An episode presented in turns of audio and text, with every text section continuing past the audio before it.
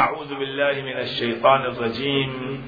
ثم ليقضوا تفثهم وليوفوا نذورهم وليطوفوا بالبيت العتيق. نحن في ضيافة الله ندعو الله سبحانه وتعالى أن يوفقنا لأن نستفيد من هذه الضيافة خصوصا في ليالي القدر بحق الصلاة على محمد وآل محمد. اللهم صل على موضوع الهبوط موضوع مهم جدا.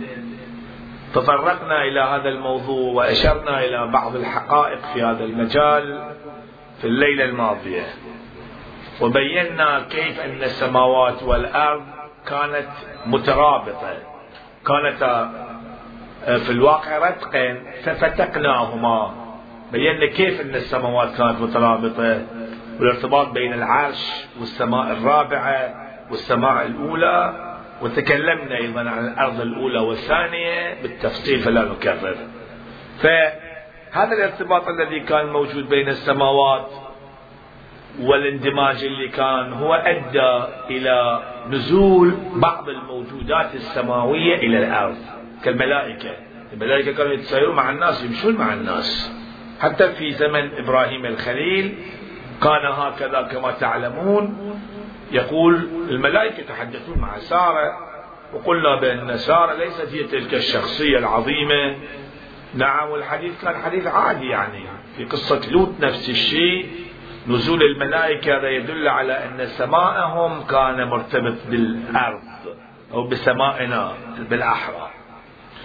وأيضا الجن أيضا كان لهم ارتباط مع الناس والشياطين. كما ورد في القرآن الكريم في قصة سليمان وقصص كثيرة في هذا المجال. فهذا الارتباط اللي كان موجود والعرش أيضا شرحنا ما هو العرش. عندنا عرش العرش وعندنا ذو العرش.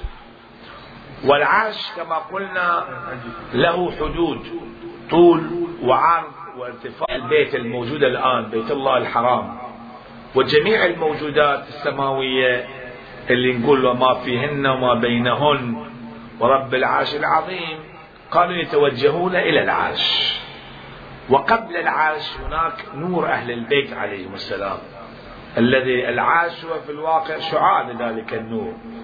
يعني في الواقع هناك نور واحد تشعشع حجب ارتفعت فجاء العرش. ومن بعد العرش البيت المعمور. ثم السماوات الأخرى السماء السابعة البيت المعمور في السماء السابعة. ثم بعد ذلك قلنا أن السماوات ليست هي كواكب وشرحنا الموضوع. إن بعض الناس يقول إنه كواكب لا الكواكب كلها ترجع للسماء الأولى. ولقد زينا السماء الدنيا بزينة الكواكب. خلاص انتهينا من السماء الأولى. بعد الكواكب تصور القضية ليست مادية. ذكرنا أمثلة في هذا المجال. أن القضية مو مادية قضية برزخية. مثل هذا العقيق مثلا اللي عليه غشاء برزخي. أن الأغشية بعض الأحيان تتوسع إلى مستوى بحيث أن يكون الشيء مقدس لقدسية قدسية. للنور الذي يخيم على الشيء والجانب الموجود. حتى الأحراز هكذا. الأحراز التي آه، في الواقع فعلها الشيخ البهائي رضوان الله تعالى عليه. أو في زماننا في السبعينات المرحوم السيد أبو الحسن حافظيان هاي كلها ترتبط بالسماوات الكواكب لها ارتباط بالكواكب وتأثيراتها عجيبة وغريبة ليس لها علاقة بالجن ولا علاقة لها بالسحر إنما هي أحراز قد وردت في الأحاديث ورد تأكيد على هذه الأحراز والتعويذات على أي حال. فإذا صار في الواقع آه، فتق بعد الرتق صار فتق انفصال فكل مجموعة وأوحى إلى كل سماء أمرها. كل مجموعة ذهبت إلى سمائها فالملائكة ابتعدوا عن الناس خلاص. والجن أيضا دخلوا في الأرض الثانية. الأرض الثانية دخلوا الجن وبدأوا بالوسوسة والهمزات التي بيناها تزيين وتسويل وما شابه ذلك. ولكن هذا الشيء لم يكمل تماما. إلى زمن الهبوط الثالث. هذا الهبوط أول هبوط آدم. وهبوط ثاني هبوط آدم أيضا. بالمرة الثانية بعد ما تاب. فتاب عليه إنه هو التواب الرحيم. قلنا اهبطوا منها. هبوط آدم وبنوه جميع أبناء آدم. هبطوا وهم في عالم الذر. في الواقع وفي صلب آدم بالأحرى في صلب آدم. نحن كنا في صلب آدم. ولهذا الله خاطبنا جميعا. قلنا اهبطوا منها جميعا. كلنا هبطنا. وقبل صلب آدم كنا في عالم الذر الأول.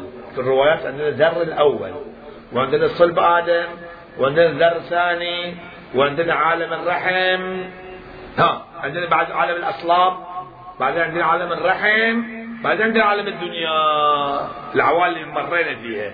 وإحنا نسينا طبعا. في بعض العلماء يتذكر الذر الثاني مو الذر الأول. الذر الأول ما يصير واحد يتذكره صعب جدا. إلا الأوحدين من الناس. ولكن يمكن واحد يتذكر الذر الثاني يعني بعد الهبوط. بعد ما هبطنا وين كنا إحنا؟ كنا في عالم الذر. قبل لا ندخل في الأصلاب. هذا العالم عالم عجيب وغريب. دخلنا إحنا وشفنا أشياء غريبة.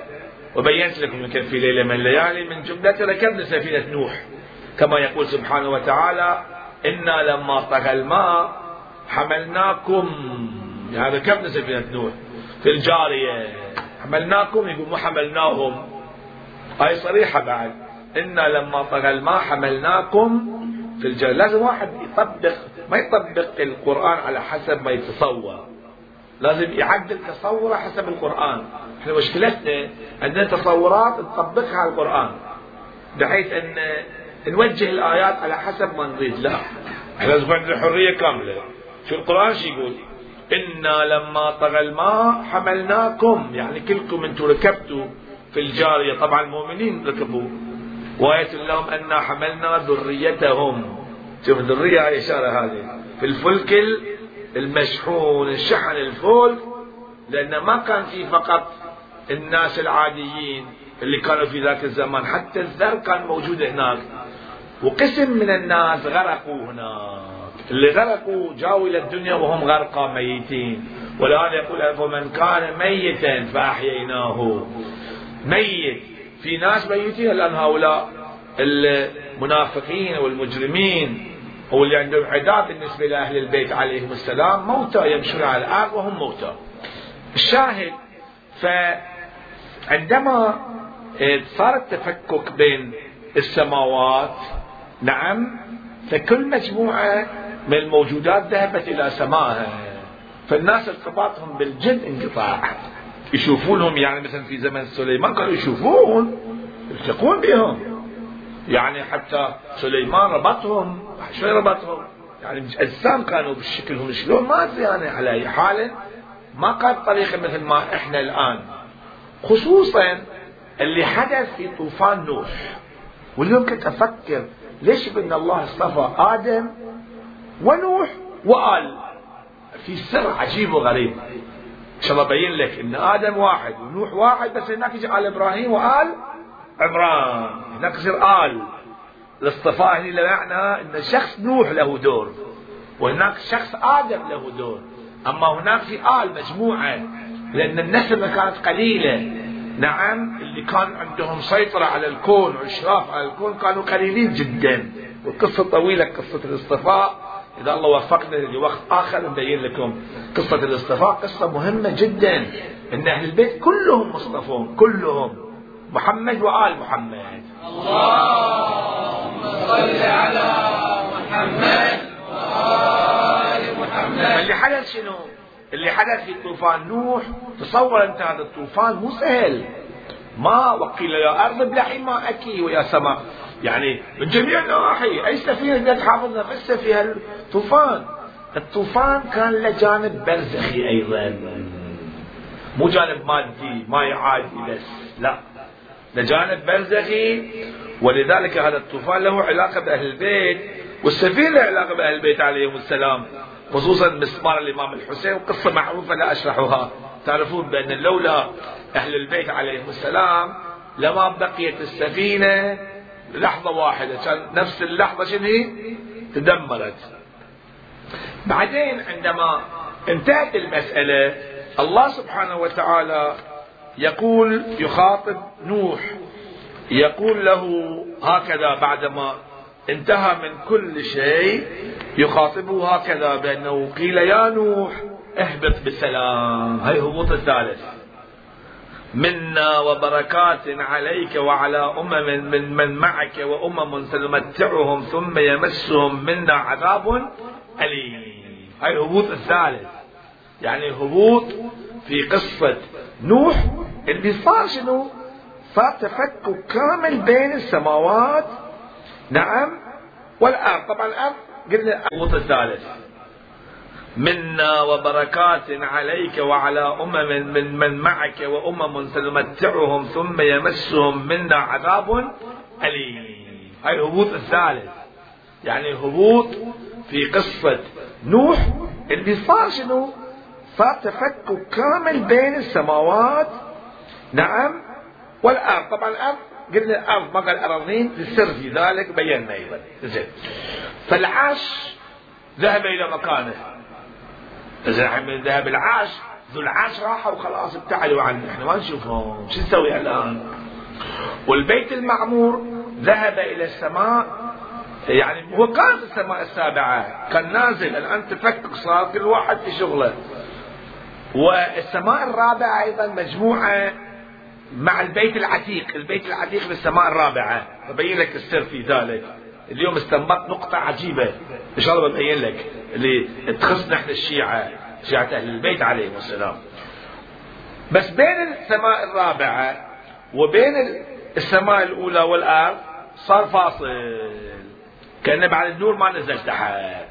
تعرفون بأن النور الأول هم أهل البيت عليهم السلام. نور أهل البيت. بعدين من نور أهل البيت تحقق العرش.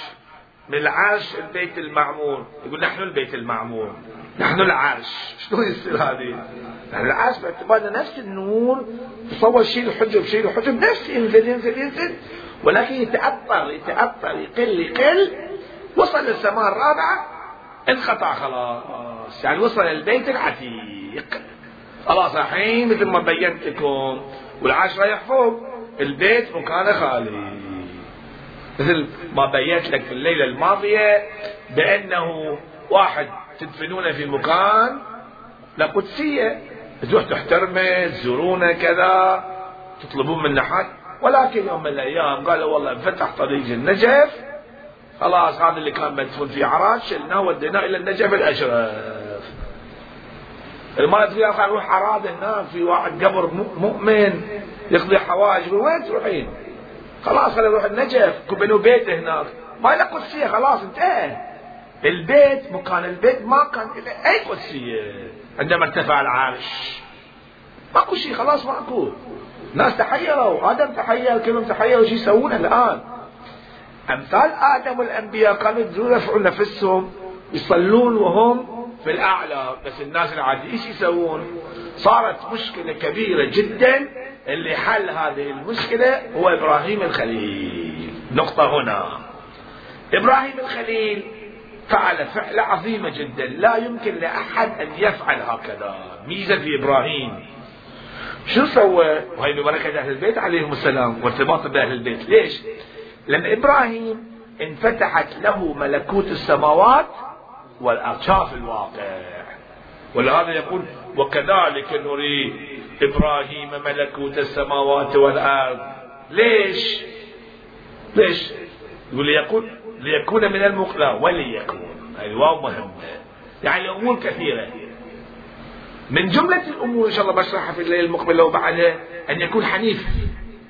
الحنيفية مهم جدا. أعظم مقام لإبراهيم أنه شنو؟ حنيف وهي حنيفية من مصطلحات اللي ضاعت بيننا ولا نعرف معناها أصلا. والحال أن واحد ما يعرف حنيفية يتورط في الشرك. لأن القرآن يقول حنيفا وما أنا من المشركين. ما يقول موحدا. فكروا أنت في الموضوع. ما قال موحدا وأنا من المشركين. حنيفا. إذا حنيفية شنو؟ ما أدري شنو. فتورط في الشرك. خلي نحل هالمشكلة إن شاء الله بنحلها في الليالي المقبلة. الحنيفية مقام عظيم جدا حصل عليه إبراهيم من خلال رؤية شنو؟ الملكوت هاي واحدة منها وبعد وبعد يوم شاف الملكوت قال خلاص ماكو إلا أربط الأرض هنا أربطها بشنو؟ بالعرش. شلون يربطه؟ يبني بيت يقول لك بنى بيت. أكو حجاج خرب البيت. تبني بيت البناء البيت. سهل ترى لا ما بنى البيت. إبراهيم ما بنى بيت. حتى لو بنى مو مهم هذه بعد اختلف. إبراهيم شو سوى؟ شاف قوائم العرش. قوائم العرش. قوائم العرش هي في الواقع أساس كل شيء. قوائم العرش. ولهذا كل العالم مخلوق من قوائم العرش. قوائم العرش هي سبحان الله. والحمد لله. ولا إله إلا الله. الله أكبر. يعني مقام التسبيحات مقام عظيم جدا جدا عظيم. هاي القوائم بينزلها يفتح أفق يعني مثل واحد يفتح له دريشه النور يدخل. والناس يشوفون منظر عجيب ما شاء الله. يقول ما سوينا المنظر؟ أنتم شفتوه بس أنا اللي فتحت النور بس. أنا خليت النور يوصل أنتم شفتوا هذه الاشياء والله شوف شو مسوي مو مو مسوي أنا هذه. أنا فتحت الباب بس. حتى تخلق أبصار القلوب حجب النور. فتح شال الحجاب نزل النور. من وين نزل؟ من بس مو العرش مباشرة لا. بالبيت العتيق. يعني بيت المعمور ثم البيت العتيق. نزل على الأرض. نزل. شو سوى هو؟ إبراهيم ربط بين قواعد البيت وقوائم العرش. شو سوى؟ وإذ يرفع. يرفع مو انه يبني واحد يرفع رفع رفع. ارتفاع يعني رف رفعه. رفعناه مكانا عليا. رفع ربط السبب أين السبب المتصل بين الأرض والسماء؟ هم محمد وآل محمد. اللهم صل على محمد وآل محمد. شنو هذا سبب مادي؟ وإذ يرفع إبراهيم القواعد؟ يوم راح الناس شاف ماكو شيء دور على المكان حصله وبوأنا لإبراهيم مكان البيت. والله خوش الحين حصلت مكان البيت.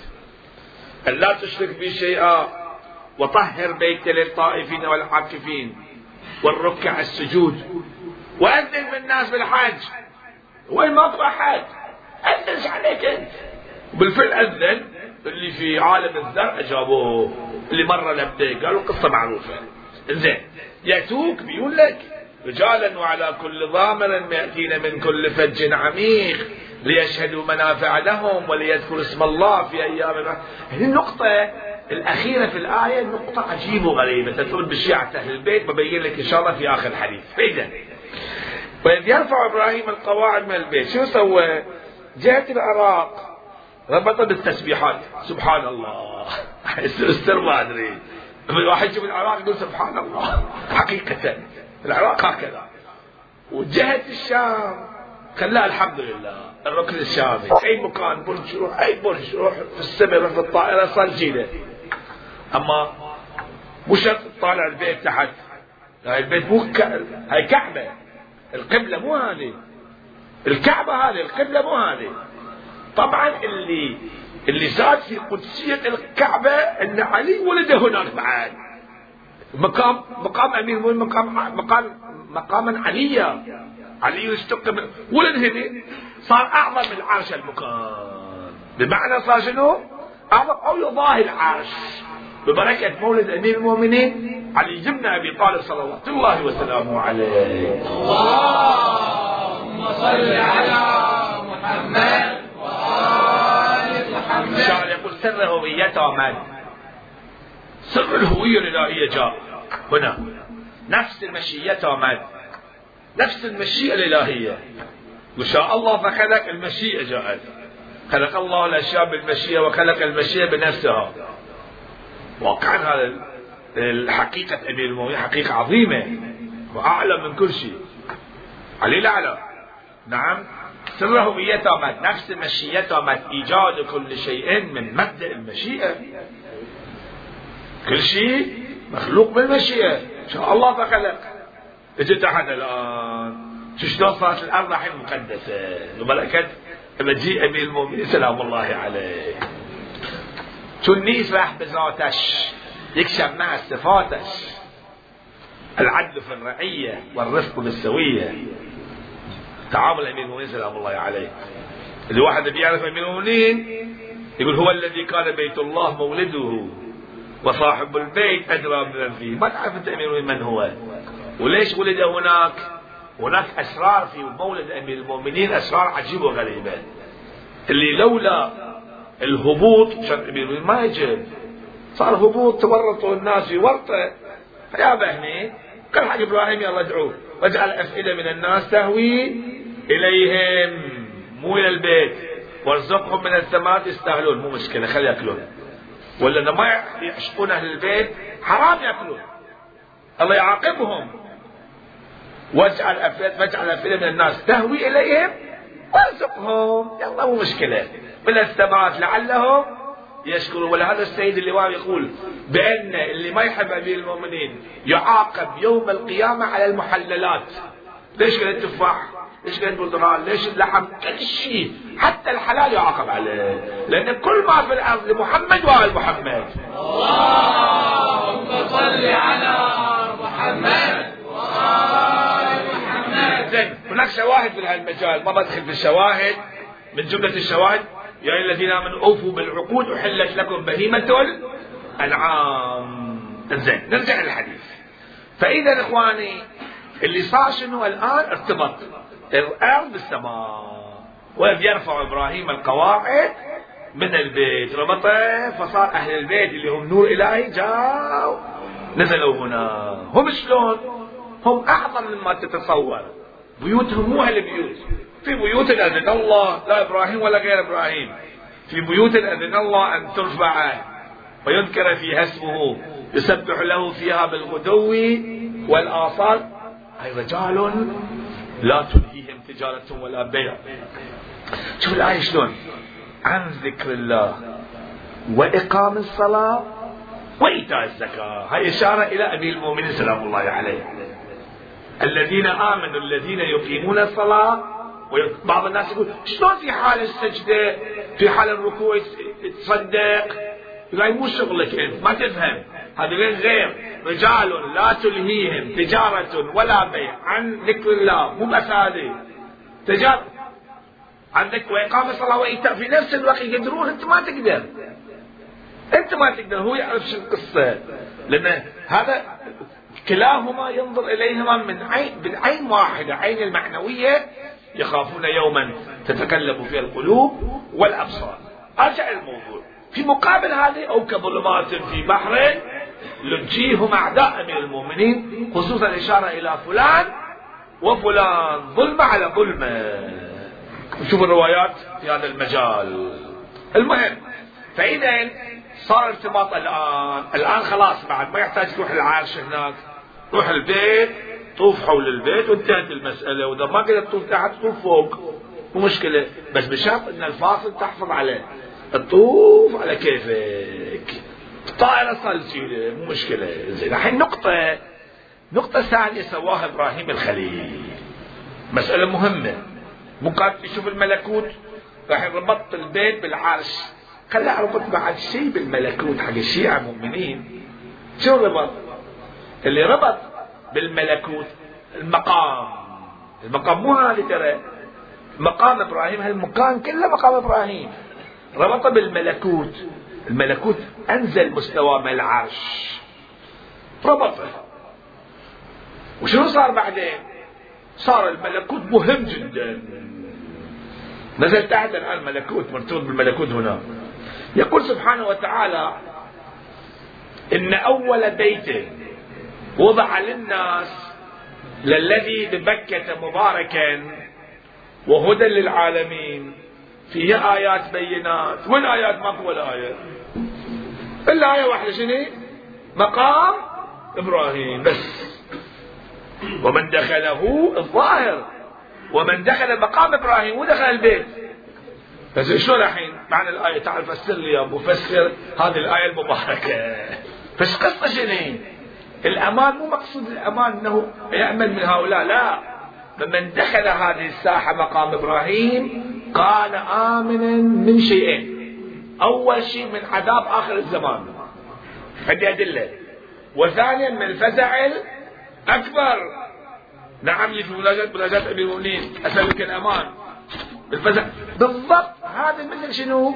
فمن دخل حصني أمن من عذابي دخول حرم الإمام الرضا سلام الله عليه. اللهم صل على محمد وآل محمد مو الحرم بس خراسان. والارتباط بالسيد الخراساني ومنطق خراسان مقصود هذا. يعني تكون تابع لولي الفقيه. هذه تأمن من عذاب آخر الزمان المشاكل اللي بتصير في آخر الزمان. ماكو حل إلا تبعية ولي الفقيه لا تروح يمين ولا يسار. وشرحت هذا الموضوع؟ أكتب كتبت أيضا. فمن دخل حصني أمن من عذابي. عذابي فكيف كان عذابي والنذر هاي؟ مو عذاب القيامة. مو عذاب الآخرة. اشتبين كل العذاب خلينا نعرف شنو؟ هذا الآخرة وتركنا عذاب الدنيا ومشاكل بتجي في المستقبل. الشياطين بيأذونا بينزلون. يصير ارتباط إحنا ببين لك النقطة. زين. الشاهد أنه آه، اللي صار صار ارتباط بين الملكوت خوش الحين بس تمر خلاص مع الآية واحدة. أعظم آية هذه. أعظم آية. مثل واحد يقول والله عندي نقود بلا تشبيه بلا تشبيه. بس يخطر في ذهني مثال أذكر لكم. عندي نقود نقود عندي. عندي دولارات. وين نقود؟ دولارات راح اصرفها أنا قطري هندي أي شيء. بس ما عندي دولارات عندي كل شيء مو چون که صد آمد نود هم پیش ماست چون که صد آمد اذا قلت مئة تسعين تسعين عندي ثمانين هم عندي اذا اجى مقام إبراهيم مرتبط بالملكوت بعد تدور على اي إيه فيه ايات بينات ماكو ايات كل الايات اجتمعت في إيه واحدة وهي مقام إبراهيم ليش ومن دخله كان امنا ولله على الناس حج واقعا هالايه تسلسلها إيش قد لطيفة. المهم ولله على الناس حج البيت. من استطاع إليه سبيلا. احب ابين لك نقطة جدا مهمة. النقطة هي أنه الآن إحنا نروح إلى البيت. القرآن يقول فليعبدوا رب هذا أنا هالبيت. هالبيت اللي مقابلهم. مش دراهم قصة شنو؟ إن أول بيت وضع للناس الناس العاديين عامة الناس للذي ببكة ليش قال بكة ما قال مكة؟ يقول والله بكة معنى مكة. ليش قال بكة نفس الشيء يا شيخ نفس الشيء. لا مو نفس الشيء. الله سبحانه وتعالى كان يقول مكة أحسن من مكة. لأن يبك الناس بعضهم بعضا بكة فيه زحمة كثرة فيها. هاي يبين لك إن هذا البيت هاي مال الناس هذا البيت. مو توديهم مكان ثاني البيت العتيق. خلهم هنا بس. إن أول بيت وضع للناس الذي هاي البيت اللي هنا مبارك وهدى للعالمين. هاي انتهينا الحين أما من يوصل إلى مقطع أخواني واقعا هذه الآية عجيبة. واقعا عجيبة. إنه ماكو أوامر في الحج. ما عندنا أوامر في الحج.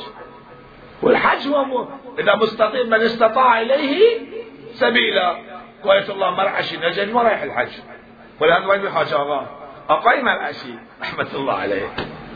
طاف بالبيت العتيق. تعرفون مرعشي مرعشي النجفي كان عظيم. شخصية عظيمة. نعم.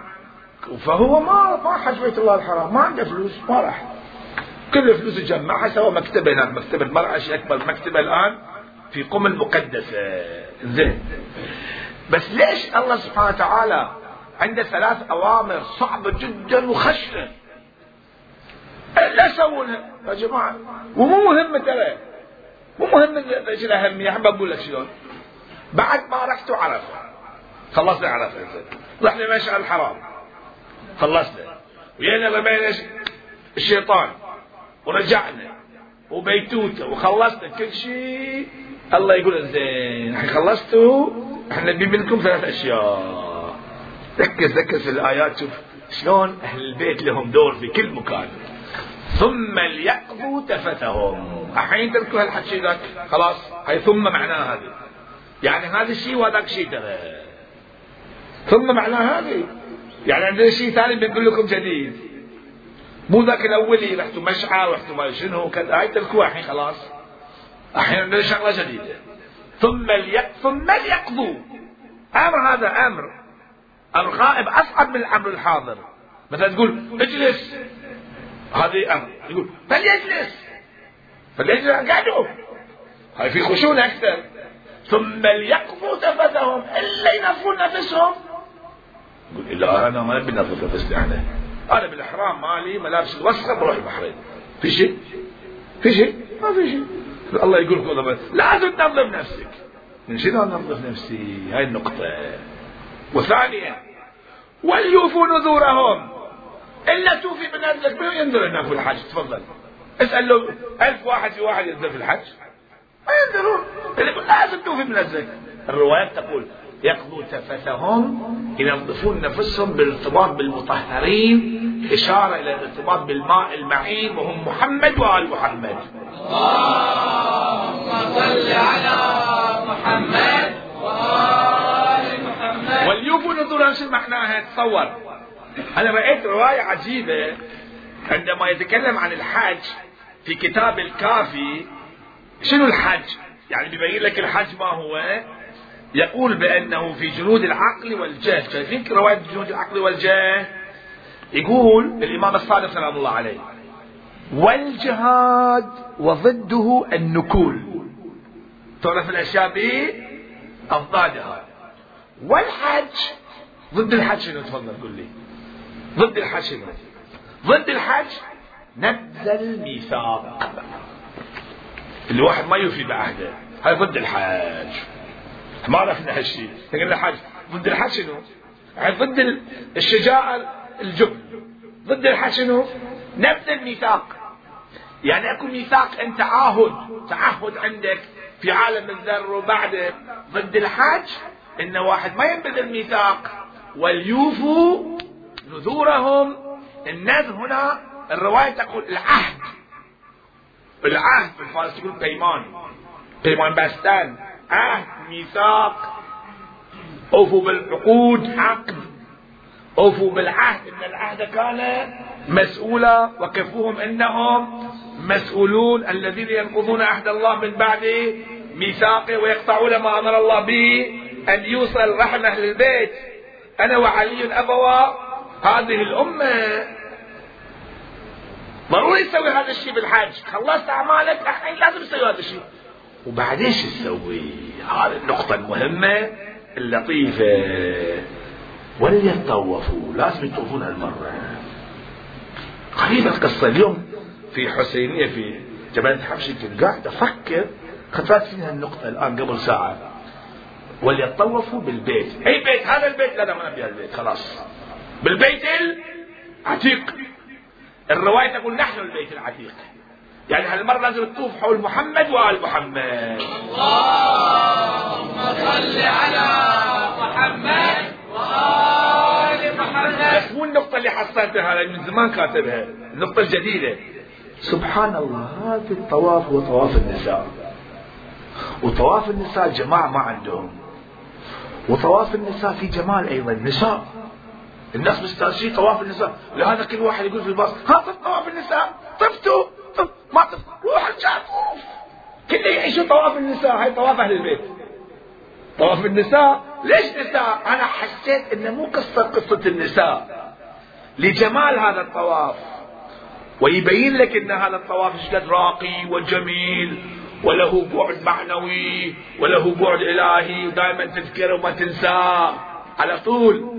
حق الواحد ما يتكلم عن الحج يقول إيه والله طفل طواف النساء. لو طفل طواف شلون أقدر أتزوج؟ هذا يقول فلان الحمد لله رب العالمين على أساس تعيش هالحالة حالة الطواف النساء يعني حالة حب محمد وآل محمد. اللهم صل على محمد وآل محمد. هني الطيب بعد مو هذا البيت. تلقى البيت أجوك. البيت العتيق يقول لك نفس البيت. من قايل لك؟ هاي البيت العتيق يقول لك يقول بالبيت.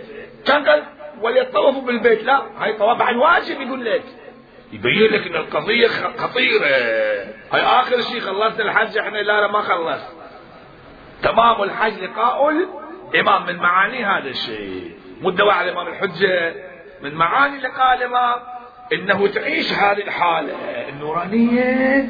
والحمد لله إحنا الشيعة عندنا هالحالة حالة لطيفة جدا. يلا كمل الموضوع. انتهينا. خلاص الحين حجك صار كامل. تقول لك حج مو مشكلة. مقصود توي. بيت لكم مقصود توي. كعبة ومتخانة بهانة. المقصود انت زين على هذا الاساس نحن نعرف بأن البيت العتيق مقامه عظيم بس يمكن واحد يوصل إليه. أعظم من البيت العتيق البيت المعمور. رواية عندنا عن آه، أمير المؤمنين والزهراء سلام الله عليهما روايه لطيفة جدا. عندما في راجعوا التفاسير عندما يقول نعم عن أبي عبد الله عليه السلام والطور والكتاب المسطور في رق المنشور والبيت المعمور والسقف المرفوع. يقول قالت فاطمة وأنا البيت المعمور. قال علي وأنا السقف المرفوع. في هذه روايه لطيفة جدا. أن قال السقف المرفوع. والعلو والبيت المعمور فاطمة سلام الله. عليها. عرفت السر. الشعاع نفس الشعاع يعني نفس النور. من النور الأول أهل البيت. نزل الملائكة يطوفون هنا فوق. وهكذا. وإحنا في الواقع نطوف على أهل البيت. ولكن شعاع ذلك النور. نطوف هنا. نطوف بأهل البيت عليهم السلام. عظمة أهل البيت. فوق ما نتصور نحن. عليها. عرفت السر. الشعاع نفس الشعاع يعني نفس النور.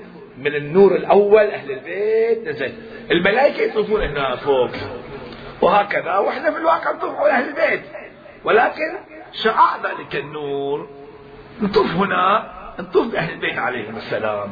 عظمة أهل البيت فوق ما نتصور نحن.